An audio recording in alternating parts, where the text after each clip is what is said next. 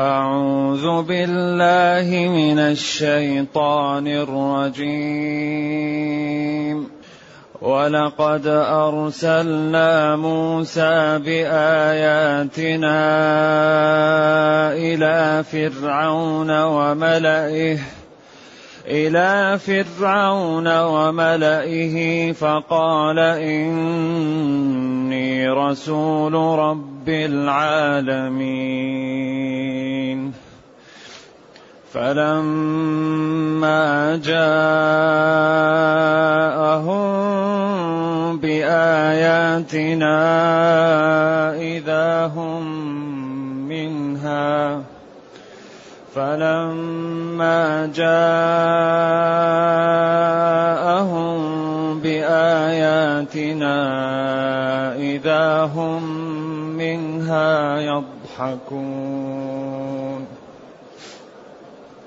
إذا هم منها يضحكون.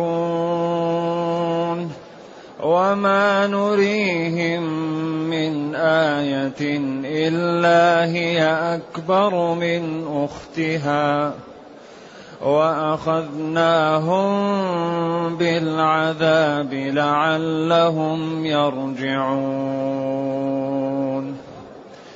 وقالوا يا أيها الساحر ادع لنا ربك بما عهد عندك. ادع لنا ربك بما عهد عندك. إننا لمهتدون. فلما كشفنا عنهم العذاب فلما كشفنا عنهم العذاب إذا هم ينكثون. ونادى فرعون في قومه ونادى فرعون في قومه قال يا قوم أليس لي ملك مصر؟ أليس لي ملك مصر وهذه الأنهار تجري من تحتي؟ أفلا تبصرون؟ أم أنا خير من هذا الذي هو مهين ولا يكاد يبين فلولا ألقي عليه أسورة من ذهب أو جاء معه الملائكة أو جاء معه الملائكة مقترنين.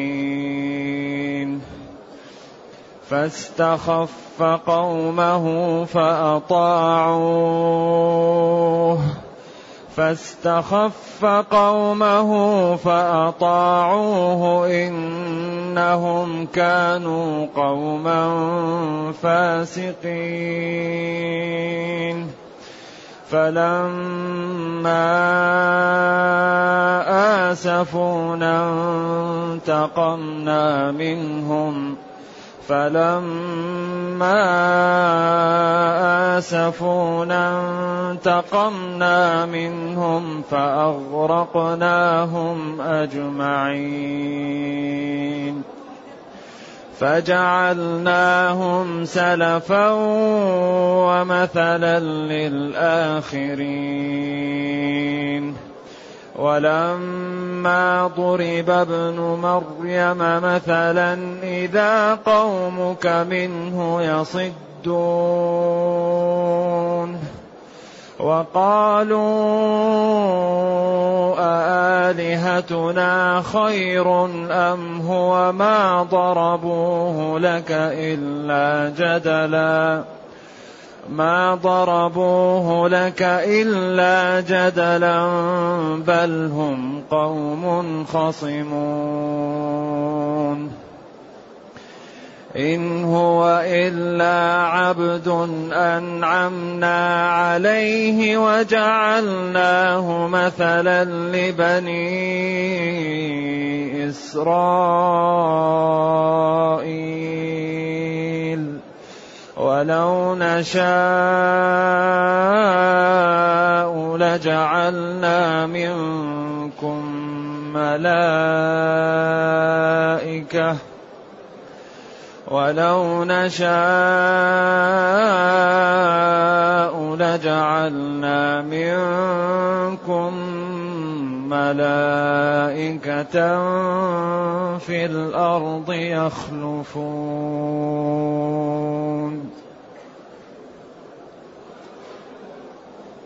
الحمد لله الذي أنزل إلينا أشمل كتاب وأرسل إلينا أفضل الرسل وجعلنا خير أمة أخرجت للناس. فله الحمد وله الشكر على هذه النعم العظيمة. والآلاء الجسيمة والصلاة والسلام على خير خلق الله وعلى آله وأصحابه ومن اهتدى بهداه.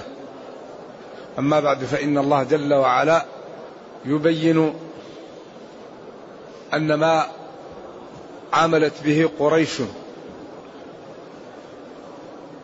محمد صلى الله عليه وسلم هو الذي عاملت به الأمم رسلها من قبله. فاطمئن. واعلم أن النصر حليفك كما أن النصر حليفهم وأن هذه طريق الحياة. فكل من جاء للإصلاح يقف المفسدون في وجهه ولا يرضون الإصلاح. ولقد أرسلنا موسى ولقد الواو عاطفة واللام للتأكيد وقد للتأكيد. والله لقد أرسلنا. وهذا يدل على الإنكار لأن التأكيد يدل على الإنكار أو يدل على أن غير المنكر منزل منزلة المنكر لأنه ظهرت عليه أمارات الإنكار بعدم القبول. إذا التأكيد للمنكر أو منزل منزلة المنكر. والله لقد أرسلنا نبينا موسى بآياتنا بالتوراة إلى فرعون وملئه. الملأ هم الذي تمتلأ منهم الأسماع والعيون والمجالس الأشراف. إذا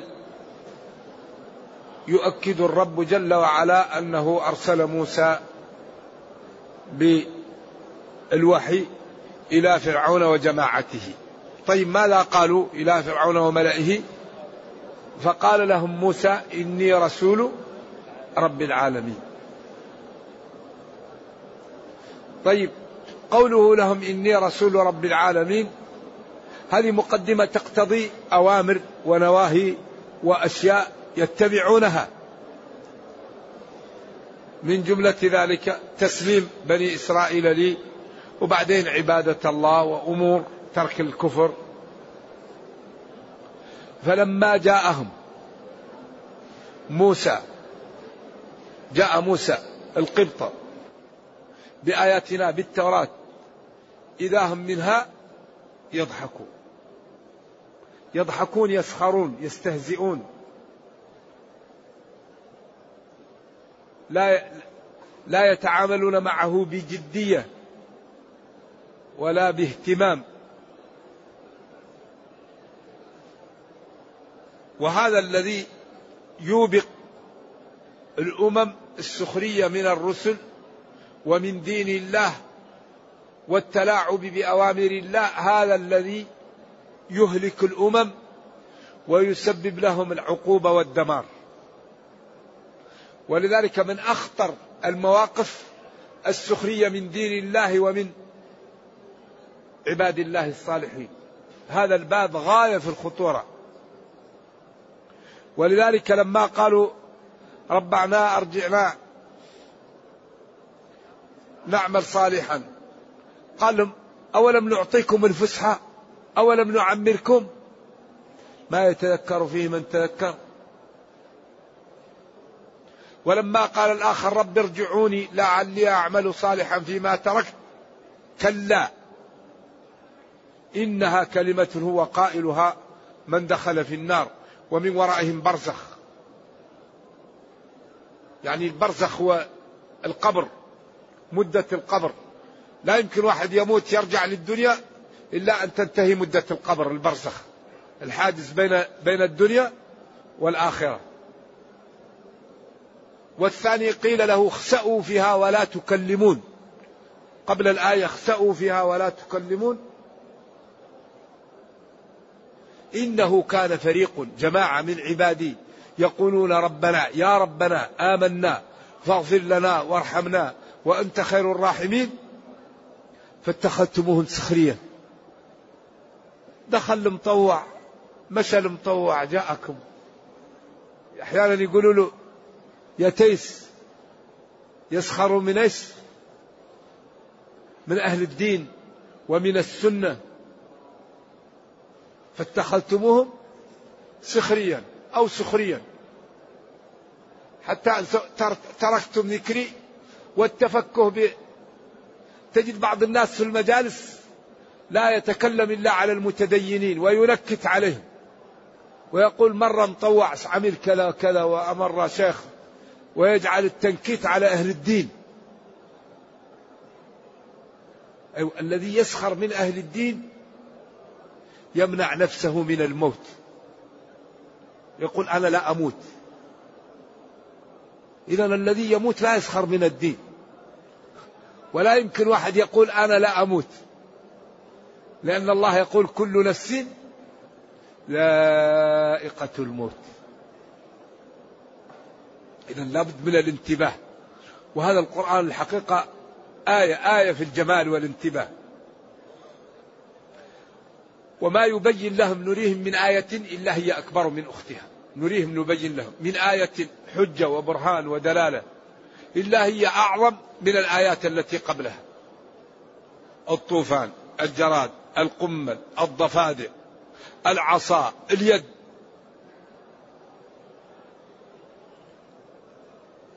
كل آية وراء آية أوضح منها في الدلالة. ومع ذلك يتمادون في العتو والطغيان والكفر. إذا يا نبي اطمئن ولا يهمك في تكذيب قريش فإن الله ناصرك عليها والرسل قبلك قد كذبت ونصرها الله. إذا ما نثبت به فؤادك وجاءك في هذه الحق وموعظة وذكرى للمؤمنين. إذا هذا التثبيت لقلب النبي صلى الله عليه وسلم وطمأن له وبيان أيضا وتخويف لقريش أنها إذا لم تتب فسيحل بها ما حل بالأمم قبلها. إلا هي أعظم من الآية التي قبلها. فلما رأوا الجد وبدأ يأتيهم الآيات التي خوفوا بها الطوفان والجراد ليس طوفان نحض الماء الذي جاءهم وأصبح يدخل بيوتهم ويغرقهم. قالوا يا أيها الساحر يا أيها الساحر هنا كلمة تمجيد واحترام عند القبط لأن السحر كان عندهم منزلة عظيمة ومرتبة زي الأستاذ. يا أيها الساحر أي يا أيها العظيم ادع لنا ربك بما عهد عندك بما أعطاك ووعدك. إننا إن دعوت لنا وتخلصنا مما نحن فيه من الورطة لمتبعون لك ومبتعدون عما نحن فيه من المخالفة. إذا ادعوا لنا ربك يكشف عنا ما نحن فيه. فلما جاءهم فلما كشفنا عنهم العذاب فلما كشف الله عنهم العذاب إذا هم ينقضون العهد ويرجعون إلى ما كانوا عليه أول. رفع عنهم الله ما كان حل بهم من ال يعني الآيات التي أعطاها الله لعقوبتهم الجراد والقمل والضفادع والدم. فلما كشفنا عنهم هذا العذاب إذا هم ينقضون العهد ينكثون. والنكث هو أن يعمل الإنسان شيئا ثم يرده. يأخذ الغزل ويغزله ثم بعدين يعيده مادة خام. كما قال تعالى كالتي نقضت غزلها من بعد قوة أنكاثا. فالنكث يعني يعني تعبير عن عود الإنسان إلى ما كان قبل هذا الحال. مثلا واحد ينقض يعد مع الواحد عهد بعدين يرجع إلى عدم العهد وهو عمل مع أحد يقال نكث العهد ونقضه. نعم. ونادى فرعون في قومه. نادى دعاهم. قوم القبط قال لهم يا قوم أليس لي ملك مصر؟ تقرير لهم. وبيان لما أعطاه الله وتكبرا وتجبرا على نبي الله وعلى رسوله. وهذه الأنهار تجري من تحتي. لاحظوا تشابه كلام الكفار. يعني تشابهت قلوبهم. لأن أستاذهم الشيطان فهو يملي عليهم كلهم. القديم ولذلك ما يقوله الآن الملحدون في هذا الزمن هو ما يقوله الملحدون في زمن قريش في زمن بعثة النبي صلى الله عليه وسلم. وما تقوله قريش في زمنها هو ما يقوله الملحدون في زمن موسى. وما يقوله الملحدون في زمن إبراهيم وفي زمن نوح. فهما دائما اعتراضاتهم وبابهم واحد. ونادى فرعون في قومه بين قومه أليس لي ملك مصر؟ وهذه الأنهار النيل تجري من تحتي. أفلا تبصرون؟ ألا تعلمون؟ ما أعطاني الله من المنزلة ومن الكرامة ومن الملك فكيف نقارن بهذا الضعيف الذي لا يستطيع أن يبين؟ إذا القوة غير واحدة. أنا ملك وتجري من تحت الأنهار. وهذا إنسان مهين لا قيمة له وإذا أراد أن يتكلم لا يبين. أم أنا خير من هذا الذي هو؟ مهين متهم ضعيف ولا يكاد يبين. إذا تكلم وهذا قبل أن يستجيب الله له فحل العقدة التي كانت في لسانه. واحلل عقدة من لساني. واجعل لي وزيرا من أهلي هارون أخي وربه كريم. فقال له قد أعطيت سؤلك يا موسى. ولذلك أكبر واسطة في الدنيا واسطة موسى لأخيه هارون. هذه هي الواسطة الجميلة. توسط لأخيه فصار رسولا معه. هذه همة عالية الحقيقة.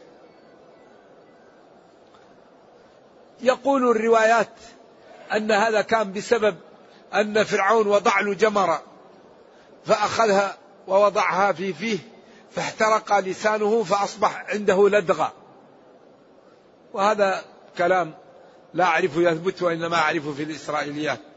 وقيل كانت طبيعة فيه وقيل خفت وأصبح يبين ولكنه لا زال فيه بعض الشيء منها وهذا لا يظهر لأن الله قال أجيبت دعوتك وقال واحلل عقدة فأكيد انحلت ولم يبق منها شيء هذا الذي يظهر.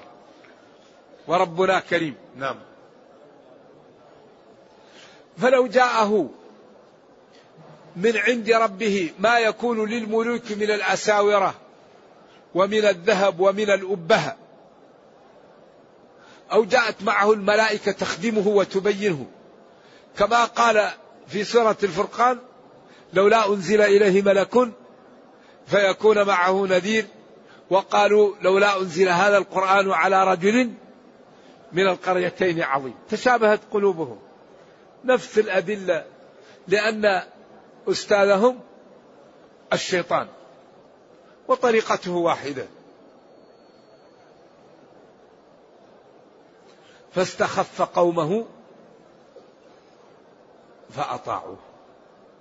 وهذا يدل على أن فرعون كان فاهما ولكنه كان يريد شهوة يريد دنيا.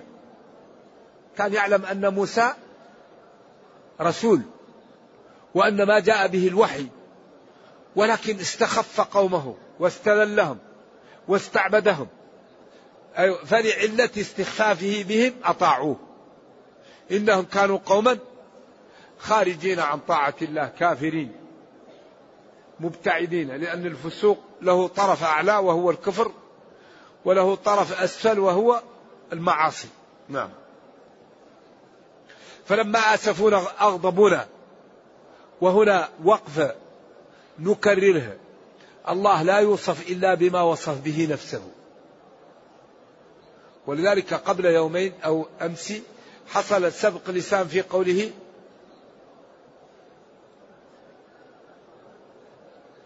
ولولا أن يكون الناس أمة واحدة.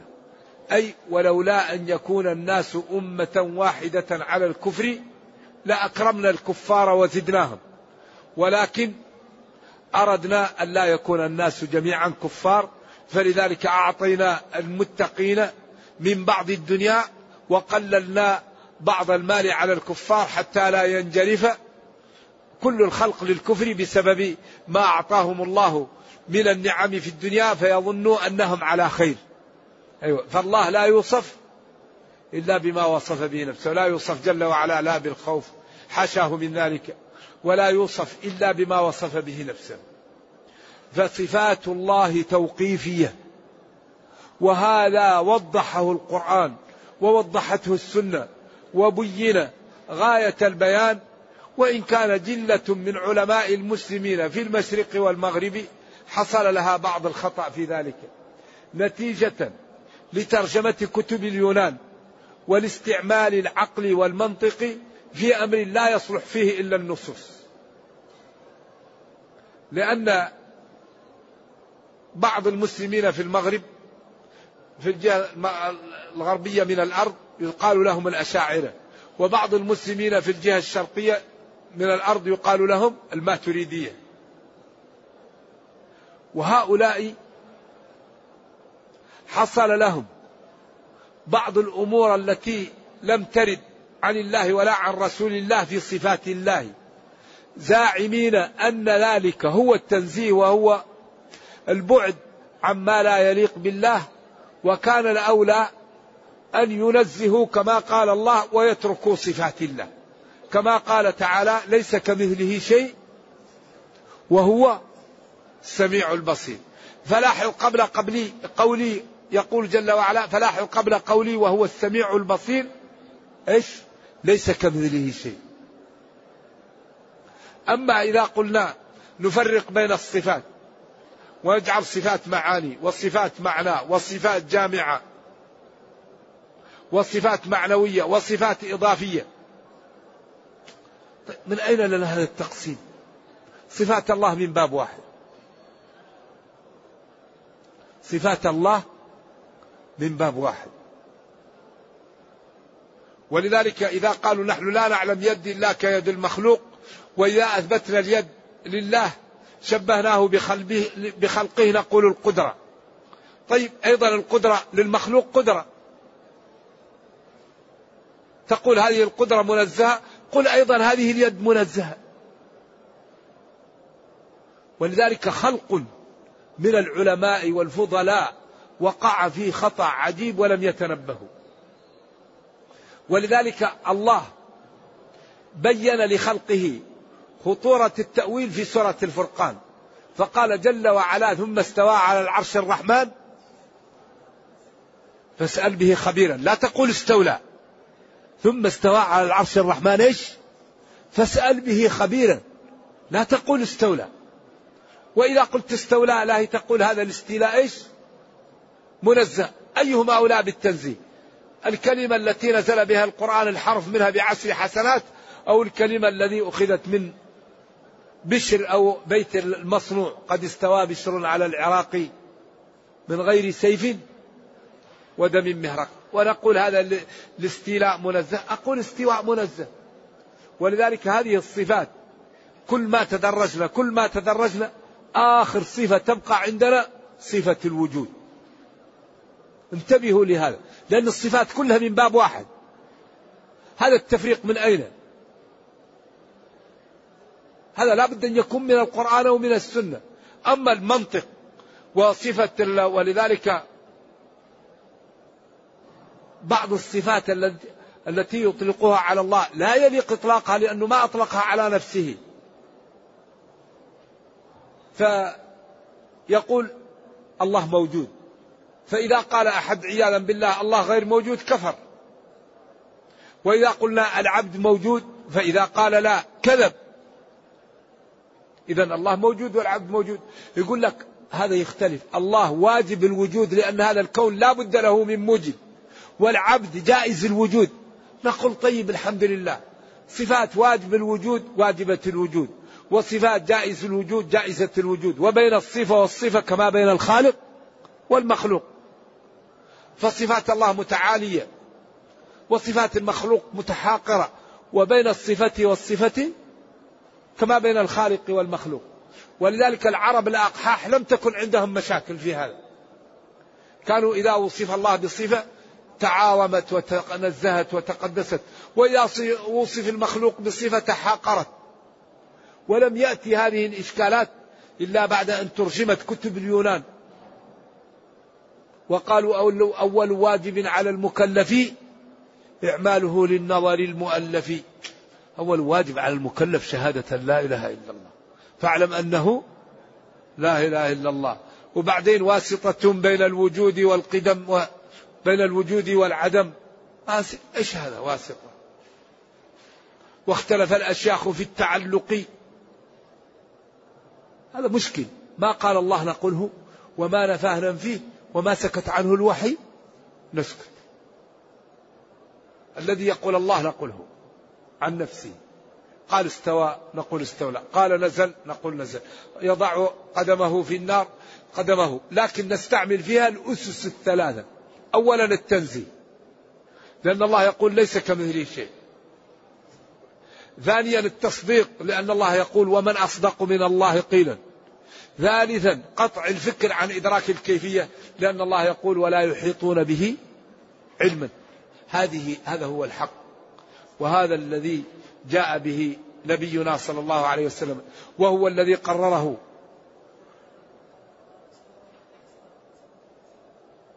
إذا قال الله استوى لا نقول استولى نقول استوى لأنه هو الذي قالها الله. وهذا الذي قال الإمام أبو حنيفة في كتابه العظيم الفقه الأكبر وهو التوحيد. وهو الذي قرره مالك وهو الذي قرره الشافعي وهو الذي قرره الإمام أحمد وهو الذي قرره البخاري ومسلم وأبو داود والترمذي والنسائي وابن ماجه وابن خزيمة والقرون المفضلة. ولم يعرف هذا إلا بعد أن ترجمت كتب اليونان وجاء وقالوا نحن لا نعرف هذه الصفات إلا متصف بها المخلوق وإذا ثبتناها شبهنا الله بخلقه. إذا لابد أن, أن, ننزه وننفي. والنفي لا بد أن يكون من الله أو من رسوله لأن هذه الصفات وتأخير البيان عن وقت الحاجة لا يجوز. فمن أين لهم هذا؟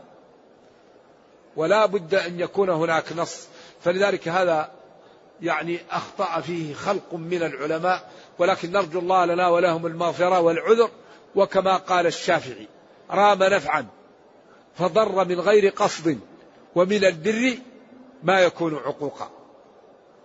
رام نفعا فضر من غير قصد ومن البر ما يكون عقوقا. ولذلك أغلب من دخل في التأويل من كبار العلماء يثبت عنهم الرجوع في آخر حياتهم كالشهرستاني والجويني والغزالي وكأبي الحسن الأشعري. كل هؤلاء الذين ثبت عنهم التأويل في آخر حياتهم يقولون ها نحن نموت على دين العجائز. ما قال الله نقوله وما نفاه ننفيه وما سكت عنه الوحي؟ نسكت. ونترحم على علماء المسلمين ونرجو الله لنا ولهم المغفرة وكثير من هؤلاء معذور لأنه آه، يعني رأى أن هذه الطريق هي الحق ولم يبين له. أما من بين له فهذا الذي يكون على الخطر ولم يقبل. أما إذا لم يتبين للإنسان وما كان الله ليضل قوما بعد إذ هداهم حتى يبين لهم ما يتقون. فاستخف فرعون قومه فأطاعوه. إنهم كانوا قوما فاسقين أي خارجين عن طاعة الله. فلما آسفونا أي أغضبونا انتقمنا منهم. أهلكناهم فأغرقناهم أجمعين. وقد بين ذلك في سورة الشعراء وفي غيرها الأعراف أنه ضرب البحر فانفلق فدخل فأتبعه فرعون فانطبق عليه. وقال فاليوم ننجيك ببدنك لتكون لمن خلفك. آية. فجعلناهم سلفا أي فرطا للفسقة والمكذبين والمجرمين. ولذلك المجرمون المتكبرون الظالمون الكافرون سلفهم فرعون. والمتقون الصالحون الطيبون الحافظون سلفهم نبينا صلى الله عليه وسلم. ولذلك قال وجعلناهم سلفا. أي للطغاة والمتكبرين والمتجبرين والكفرة الذين يقفون في وجه دين الله ويعادون من يريد إعلاء كلمة الله. جعلنا سلفهم فرعون. وربهم بالمرصاد لهم. فلذلك أي إنسان يقف في وجه الدين مآله إلى ما لا مآله إلى النكال فالغالب لا يسلم من العقوبة في الدنيا وإذا سلم منها يوفر توفر له العقوبة يوم القيامة.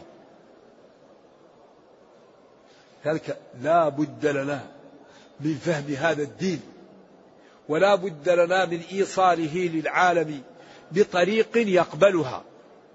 نزيل الغبش نزيل الشبه نزيل الغبار نزيل القتر الذي وضعه كثير من الناس على هذا الدين بسلوكهم وبأخلاقهم وبكلامهم من غير فهم وبتأويلهم للنصوص عن محلها.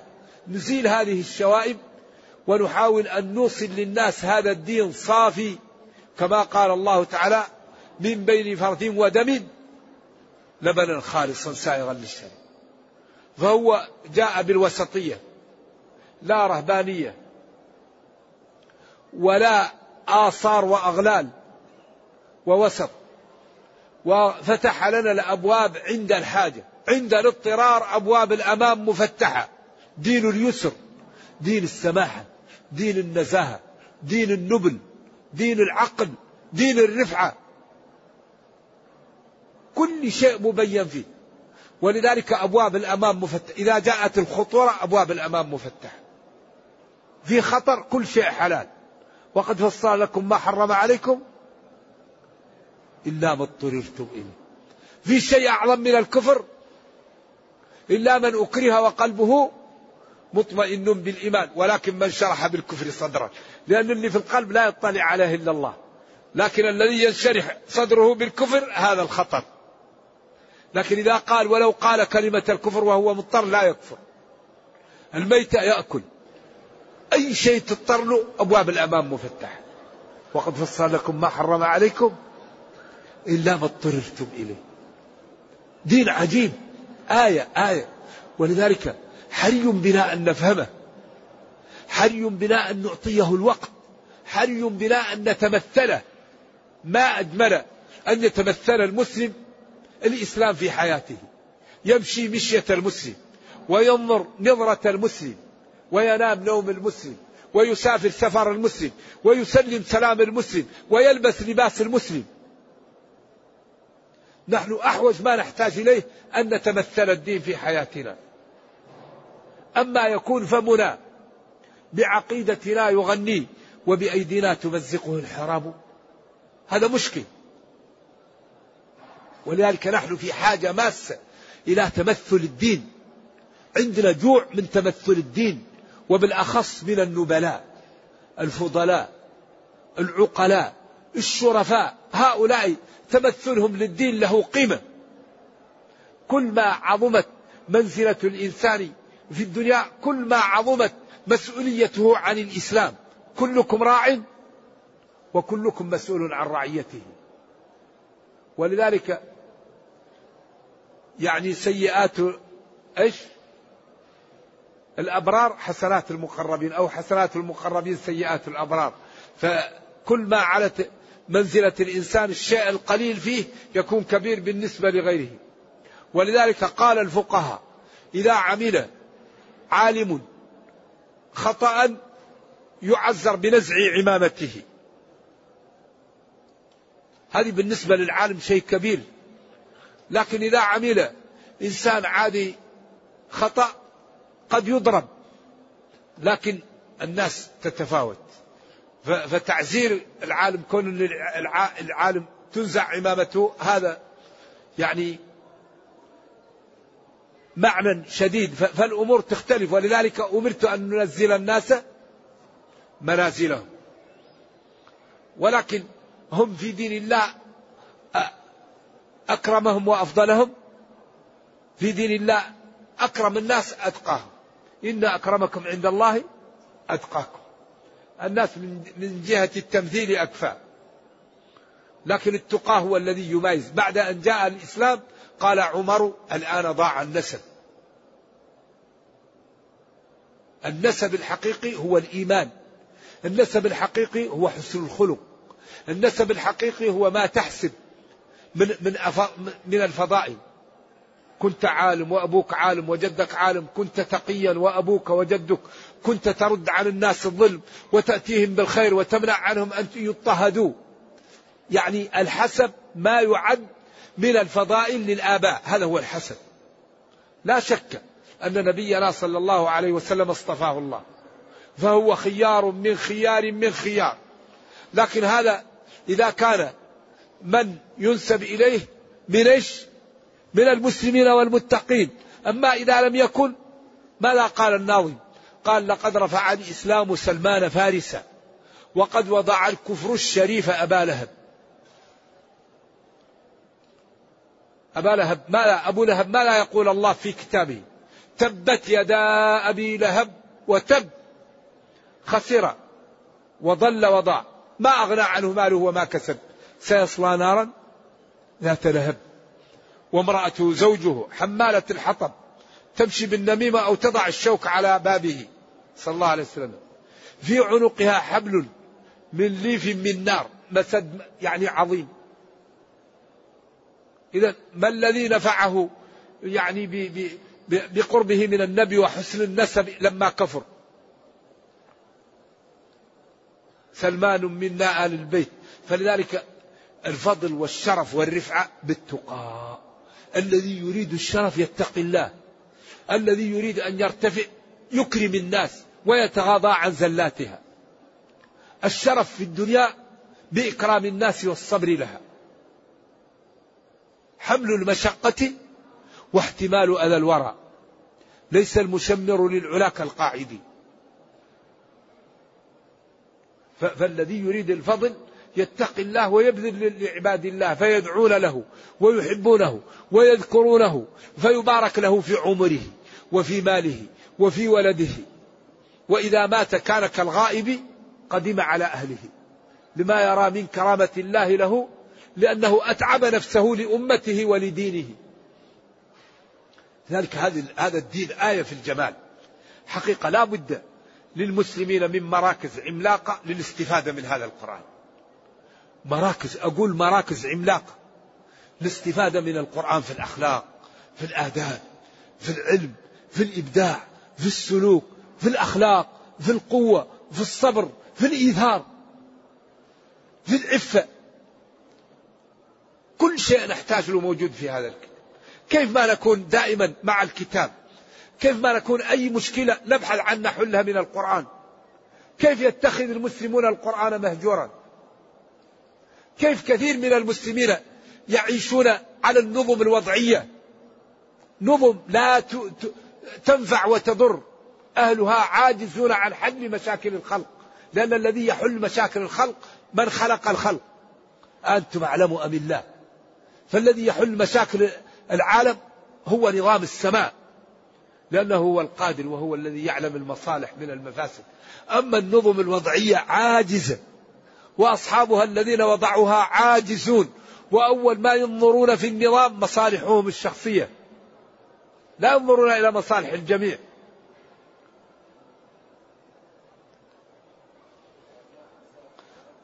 وجعلناهم سلفا في الضلال يعني قدوة في الضلال ومثلا للآخرين الذين يأتون بعدهم ليتجنبوا هذه الطرق ويبتعدوا عنها.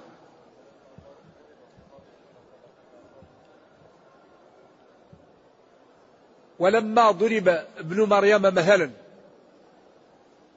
إذا قومك منه يصدون يصدون يصدون يضجون على بعض المعاني يصدون يعرضون ويلتفتون. أو كلها بمعنى واحد يلتفتون. نعم. وقالوا آلهتنا خير أم هو؟ ثم يقال إن عبد الله بن الزبعراء لما جاءهم النبي صلى الله عليه وسلم وقال لهم إنكم وما تعبدون من دون الله حصب جهنم أنتم لها واردون. قال ألا تجيبوه؟ ألا تجيبونه؟ قال بما لا نجيبه؟ قال اذا أنتم قلتم إنهم وما يعبدون من دون الله حصب جهنم وعزير عبدته اليهود وعيسى عبدته النصارى اذا هم في النار ففرحوا بهذا وطاروا به فرح وجاءوا للنبي صلى الله عليه وسلم يريدون أن يحجوه بذلك فأنزل الله إن الذين سبقت لهم منا الحسنى أولئك عنها مبعدون لا يسمعون حسيسها وهم فيما اشتهت أنفسهم خالدون. إنكم وما تعبدون من دون الله من الأصنام والأوثان والأحجار. أما هؤلاء لم يرضوا العبادة ولم يدعوا لها فبين لهم. وفي الآية قول غير هذا لكن هذا أقوى منه. نعم. وقالوا آلهتنا خير أم هو؟ أي عيسى بن مريم. ما ضربوه لك أي عيسى بأنهم عبدوه وهو يكون معهم في النار إلا جدلا إلا خصم و يعني مجادلة ومكابرة. بل هم قوم خصمون يعني كثير الخصومة. وإن الله يكره ألد الخصم. ولذلك أنا ضامن بيتا في ربض الجنة لمن ترك المراء وهو محق. ولا تجادلوا أهل الكتاب إلا بالتي هي أحسن. وجادلهم بالتي هي أحسن. فالمراء والجدال لا خير فيه إلا بقدر ما تبين به الحجة. ولذلك القرآن يأتي بأدلة قاصمة. لما قالوا قال أم خلقوا من غير شيء أم هم الخالقون أم خلقوا السماوات والأرض؟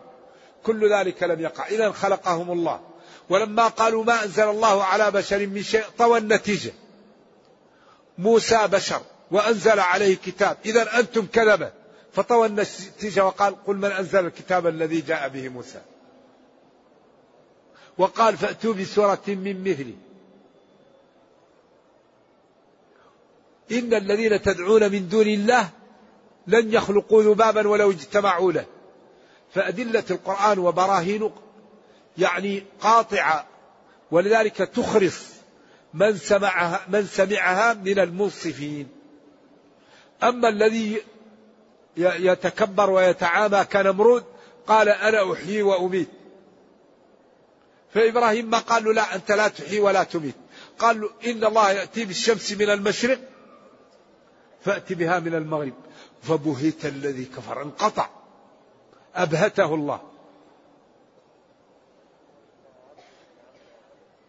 إن هو أي عيسى إلا عبد من عبادنا أنعمنا عليه بأن أعطيناه النبوة وأعطيناه الكلام في المهد وأوجدناه من غير أب بأمرنا.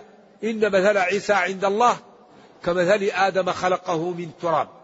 وبين كيف خلقه أرسل الملك لمريم ونفخ فيها.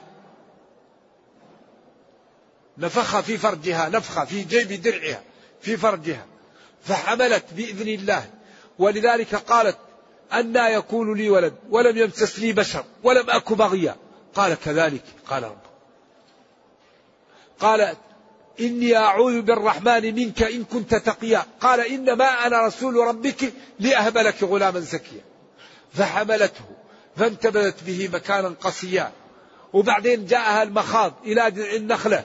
وقالت كلامها المحزن يا ليتني مت قبل هذا وكنت نسيا منسيا أو نسيا منسيا فناداها من تحتها.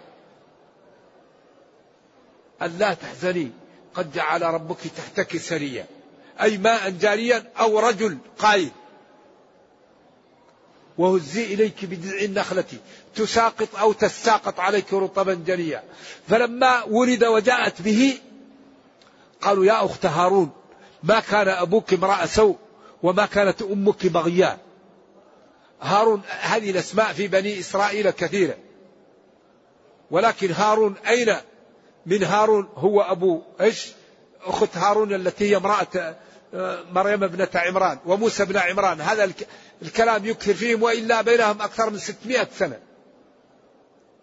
فأشارت إلى عيسى.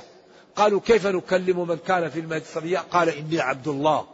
آتاني الكتاب وجعلني نبيا وجعلني مباركا أينما إلى آخر الآيات. إذا هذا من نعم الله التي أنعم عليه الكثيرة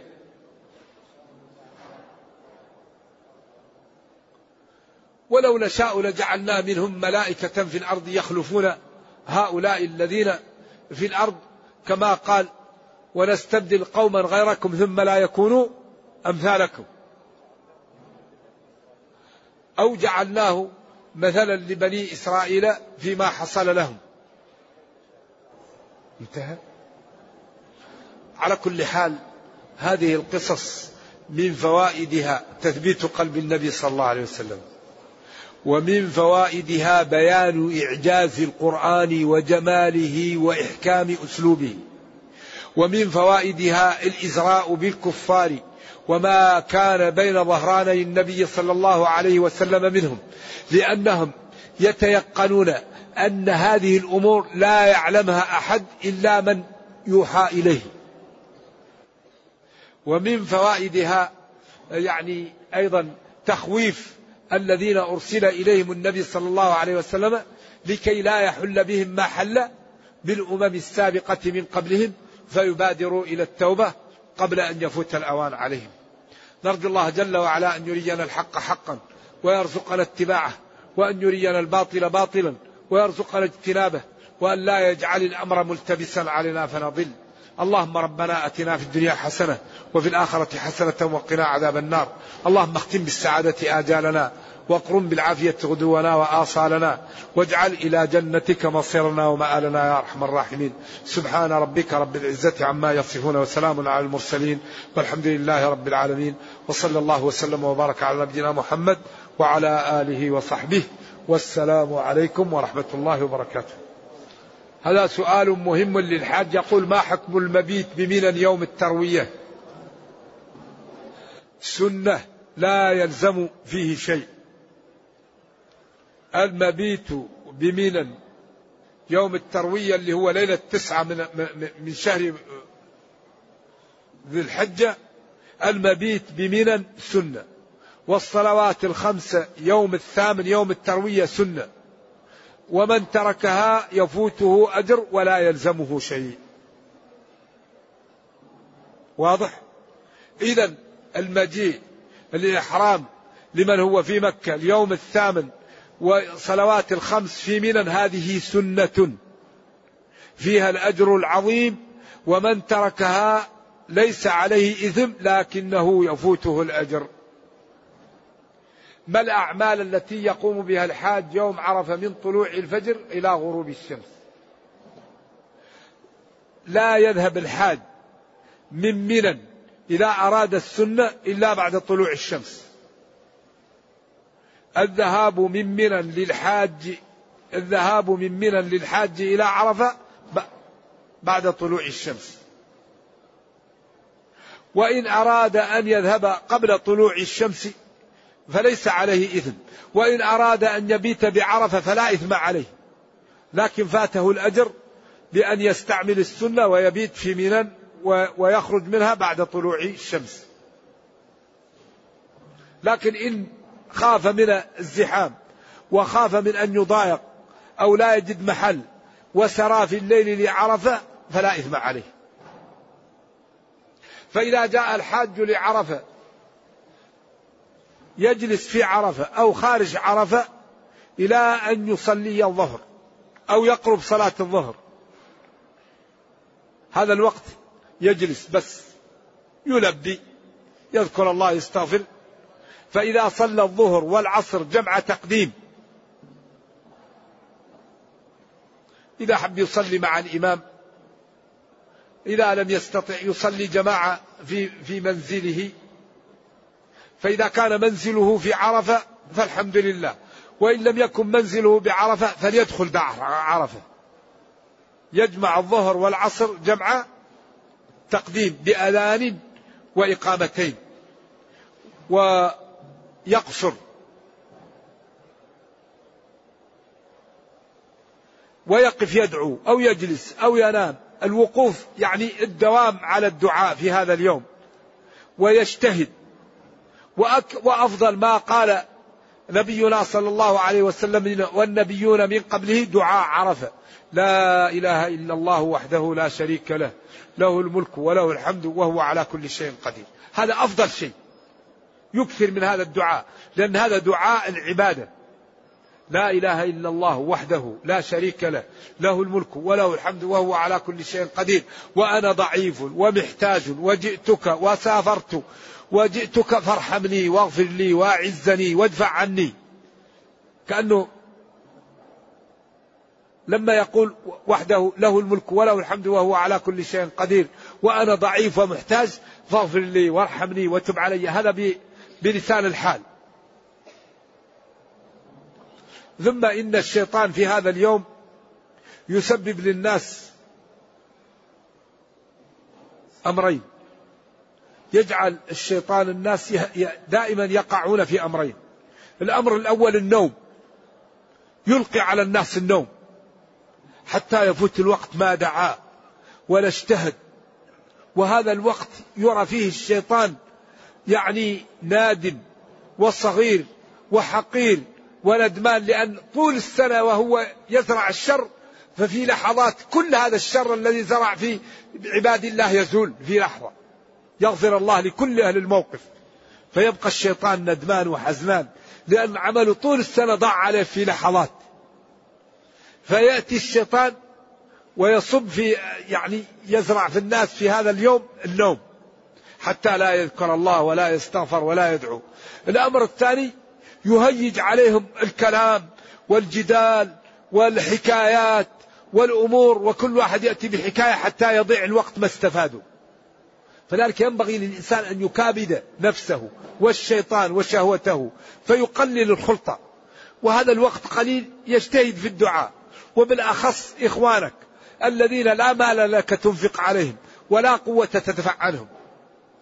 تدعون لهم وتدعون على من يؤذي الإسلام والمسلمين ومن يقف في وجه دين الله.